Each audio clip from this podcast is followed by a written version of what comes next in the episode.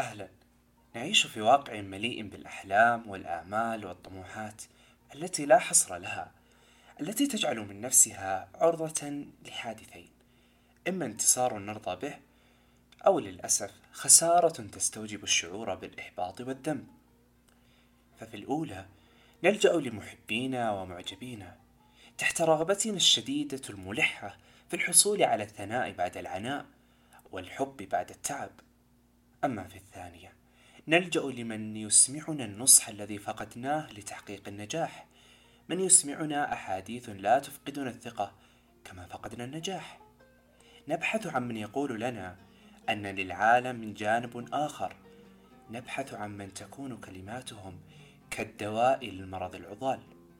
ولأننا بشر فنحن نمر بكل الحالات أن نتواسى وأن نواسي. وحديث اليوم سيكون كيف نواسي؟ علينا إدراك حقيقة هنا. أن تمكننا من المواساة ليس أمرا ممكنا على الدوام وفي كل الأحوال. ففي بعض الأحيان تكون الفكرة من المواساة هي السعي لتخفيف وطئ الأمر على قلب المصاب. وربما لا تشكل المواساة أي تخفيف له ولكن لتبقى محاولات إما لتخفيف أو عرض الجانب الآخر الذي لم يراه. أو فتح نافذة أمل أو ربما للأسف لن نحسن فعل شيء. وإن لم نحسن فعل شيء فلا ضرر في ذلك أبدا. فالأهم أحيانا أن نبقى بجانب من يحتاجنا في أوقات الشقاء قبل الهناء. خلق الناس بالأرض بالخير ونشره ومحاولات السعي لجعله بين الناس. إن المواساة أحد أعظم ما قد يوجد بين الناس لإظهار العون والتعاطف والتكاتف. ولكي نظهر خيرنا كما يجب فعلينا أن نواسي كما يجب. أولا لا تقحم نفسك بالقضية. من المعيب في المواساة أن تقحم ما تمر به كأمر قابل للنقاش والمقارنة للتخفيف حتى ولو كان قصدك طيبا وشريفا. الأمر أشبه بمصيبة أن تكن تشتكي من عقوق أبنائك التسعة لشخص لا يمكنه الإنجاب فتكون وقعت في مصيبة قهر الإنسان فوق قهره وذلك يحدث من غير قصد منك وربما ستهين نفسك حتى وأنت تظن أن التقليل منها ربما يساعد بالتخفيف عنه وهذا أمر خاطئ أيضا. مقارنة المتحدث بالمستمع تولد أحيانا نوع من التباعد أكثر من التقارب. فكأنك تذكره بأنكم أنداد أكثر من متحدث ومستمع. وتلك مصيبة. المهم هنا أن تنصت جيدا. لا تعطي مثالا تحت مبدأ من شاف مصيبة غيره هانت عليها مصيبته. الأمر لا يلتقي هنا. لأن تدرك أن قوة الجلد والتحمل مختلفة من شخص لآخر فربما أسعد الأفراح لديك مصيبة عند غيرك. فيصبح أمر المقارنة كارثة كبيرة جدا. تماما كالتذمر من تكرار الطعام لديك على جائع مسكين. عليك التذكر أن الناس تختلف في تلقي المشاكل والتعاطي معها.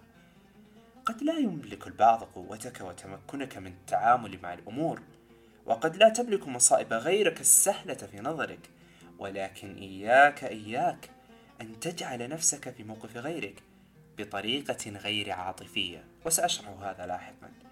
حاول أن تجنب نفسك من المقارنة هنا. ثانيا لا تشحن لا تزد الطين بلة. لا أعجب لكون أشخاص مسالمين يتحولون إلى وحوش تتمنى التدمير والانتقام من الكل. فكنت أعجب ما الذي حولهم؟ فالمواساة أحيانا يحولها البعض إلى شحن ظنا منهم أن الوقوف مع الجانب الآخر بالتشجيع المفرط ما هو إلا إظهار للتعاطف وهو زينة العقل. أليس صديقي ظلم؟ سأخال نفسي مظلوما. فجأة أشعر بقهر الظلم وأتعامل بعقلية المظلوم المنقهر. وهنا المصيبة أننا نوافق الشخص الذي سيمر بأسوأ مراحل حياته على قراراته التي غالبا ستكون صادرة من عاطفة غاضبة ساخطة. ومن المستحيل أن يتخذ شخص متهور غاضب في لحظات الغضب قرارات صائبة أبدا. فيخطئ البعض بوضع نفسهم أيضا في موقف العصبية ويبدأون في محاولة اتخاذ القرار. فنصبح في مصيبة الحصول على شخصين غاضبين على وشك اتخاذ قرار. فهنا بإمكانك التنبؤ. ما الذي سيقررون؟ بالطبع سيقررون مصيبة أخرى. الحل يكمن في أن تكون أنت الثلج المقابل للنار. ليس بمواجهة مصائب غيرك برد فعل بارد تعيس ينم عن استحقار لما مر به. لا أبدا. ليس هكذا القصد بل عليك أن تعيده أولا لحالته العقلية الطبيعية. وثانيا أن تمتص غضبه قبل أن يتفاقم.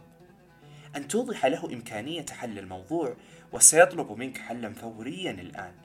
حاول هنا. أن تجعله يقتنع أن لا حل وهو خارج عن وعيه النفسي. المهم هنا أن نعيده للحالة الطبيعية وبتواجد رد فعل مقبول منا يعطي الحدث حقه ولا يعطي الآخر حرية اتخاذ القرار كما يقال دائما كن محضر خير ثالثا ضع نفسك مكانه ولكن بعقلانية في النقطة الأولى قلت لا تجعل نفسك في موقف غيرك بطريقة غير عاطفية. وهنا سأشرح لماذا عليك التعاطف قبل كل المشاعر. إن شعورك بالتعاطف مع الآخر يجعل منك تتفهم موقفه تماما. مهما اختلفت معه المقصود اختلافا في نظرتكم للمعاناة. التعاطف يعطيك القدرة على الغوص بالمشكلة معه ولكن بتواجد قدرتك على ضبط النفس التي يفتقدها في حالته هذه. التعاطف. يعطيك القدرة أن تصبح جزءا من المعرضين للمشكلة ولكن الفرق أيضا في أن بإمكانك حلها. مثلا تعاطفنا مع الفقراء والضعفاء هم في حالة عجز كامل عن حل المشكلة بلا الموارد التي تنقذهم. أما نحن إن تعاطفنا استطعنا حشد قوة تنقذ ما يمرون به إما مال أو دعم أو أيا كان. وما كنا سنقدر على هذا دون أن نقدم لهم التعاطف اللازم الذي مكننا بالتفكير لحل المشكلة رغم صعوبتها. وأيضا الأمر يندرج على أغلب مشاكل الذين نعرفهم. أن تتعاطف هذا يجعلك تدرك حجم المشكلة سواء كبرت في عينه أو صغرت في عينك. وهنا تعيد مشكلته لحجمها الطبيعي حتى يتمكن من العودة لوعيه. أو تكون مصيبة عظيمة ولا يدرك الآخر كارثيتها تماما كالمرض مثلا. فهناك من يصاب بمرض عضال خطير بسبب عادة يقوم بها ولا يزال يفعلها. ولا يدرك حجم المصيبة ولن يتمكن من حلها بدون تعاطف معه وأن نخبره أي الحلول عليه الاختيار. ثالثا هي ليست نهاية الدنيا. هنا شعرة رقيقة جدا بين استحقار المشكلة التي تجعل الآخر محطما بسبب استهتارنا به وبين أن نجعله يدرك أن لا زال هناك متسع في الدنيا. لا زال هناك حلول ممكنة ولا زال هناك وقت للتعامل مع ما يمر به. وحتى لو لم ينجح فيما يريد فلا ضرر في ذلك. الدنيا أشد اتساعا من الرقعة التي حصر نفسه فيها بسبب نظرته المحدودة للأمر. ولا عتب عليه. فربما كان الأمر ذا أهمية له ولكن لشعوره أنه مهم جدا فلن يدرك أي طريقة أخرى للتعامل معه. فيصبح حبيسا للنظرة المحدودة وهي أنا فاشل. هنا يحين دورك لتجعله يدرك أنها لم تكن النهاية. وحتى لو كانت النهاية فلكل نهاية بداية أخرى نجهل ماهيتها ولكن نؤمن بوجودها. حتى أعظم النهايات. كالموت مثلا سيلحقها حياة من نوع آخر. لذلك عليك دائما أن تجعل من الآخر يتذكر دائما أن هناك حلول بالدنيا لكل شيء. أن عليه السعي المستمر والاستمرار في المشي بالدنيا حتى الحصول على السر العظيم الذي إن وجده وجد ضالته. وربما كان سبب فشله فيما يفعل ما هو إلا لييأس ويبدأ طريقه الآخر والجديد الذي فيه سعادته ونجاحه. إن الإنسان خلق وهو يسعى يحاول ويجتهد تصيب وتخيب لا ينجح على الجملة ولا يفشل الأبد. فلا يوجد بيننا من خلق ليشقى طول عمره. الذي يسعى للنجاح بالعموم سينجح يوما ما.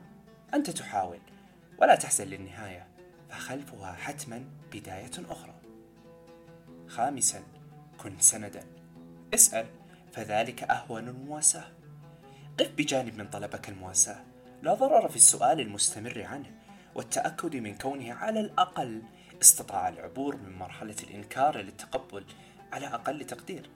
حاول أن تسأل وتسمع له في حالات عجزه عن الإجابة. ليس من الضرورة أن تكون لديك كلمات سحرية تغير نظرته للأمر. فربما يكفي أن تقدم له سؤالا يجعله يقول ما في جوفه ويمكنها من التنفيس عنها. أحيانا نجد أن الإنصات وسماع الآخر بأن يقول ما في قلبه دون أن يخاف المقاطعة أو إعطاء حلول لا تجدي نفعا. له فائدة كبيرة جدا. فإذا وجدت نفسك عاجزا عن الإجابة فجعل الإنصات المرجع للسؤال الثاني. حاول المساعدة فإن كان يشكو من مرض على سبيل المثال لا سمح الله فحاول أن تجلب له أرقام دكاترة يساعدونه على حل مشكلته. ومثلا إن كان يشكو من تدني درجات حاول أن تأتي له بمراجع تساعده على ارتفاع درجاته ومحصلته العلمية. حاول دوما أن تجد حلولا تستند على الآخر بحيث لا تقل من نفسك أنك لا تستطيع أن تعمل شيئا. ولكن حاول. دائما ستجد الحلول في المحاولة. اسأل وحاول أن لا تنسى من اشتكى لك ألما. ختاما إن الأشخاص الذي يطلبون منا المواساة لم يفعلوا هذا إلا لثقل ما مروا به. إن بإمكاننا أن نساعدهم سواء بالأفعال أو حتى في الأقوال أو حتى بمجرد أن نضع أيدينا على وجوهنا وننصت. أحيانا لا يجب من الآخر أن يفعل ما أوصيت به. إياك إياك أن تقول له بعدما لم يفعل بنصيحتك أنك نصحته ولم يفعل. فانظر ويلات عدم الإنصات لنصيحتي. فهذا الأمر غير مقبول. من وقع في مصيبة لا يحتاج مصيبة أخرى تزيده على همه الذي في قلبه. اجعله دائما يتذكر أنك بجانبه أن بإمكانه أن يستند على أحدهم إن وجود ناس بجنبنا فكرة عظيمة جدا حنونة فعلا. فكرة أن بجانبي من يحتاجني ومن أحتاجه إن مددت له يد العون كان بها وساعدني وكان أهلا لها. وإن تكلمت معه أنصت لي وإن تكلم كان بلسما لي. إنها الفكرة العظيمة التي تذكرنا دوما بأن لا زال هناك خير بين الناس. كن عونا للناس. كن بجانبهم دوما. حاول أن تساعدهم حتى ولو لم يكن باليد حيلة. فأحيانا سؤال يكفي أن يجعل الإنسان ينهمر بهمومه التي في قلبه ويتفرق قلبه منها ويرتاح أكثر. جعلنا الله من الذين إذا أرادوهم الناس وجدوهم حولهم. جعلنا الله من الناس الذين يهدئون روع الآخرين. جعلنا الله لنا في كلامنا بلسما وشفاء للناس. وجعل الله حولنا من إذا إذا احتجنا مواساته وجدناه في أول الصفوف. شكرا لكم.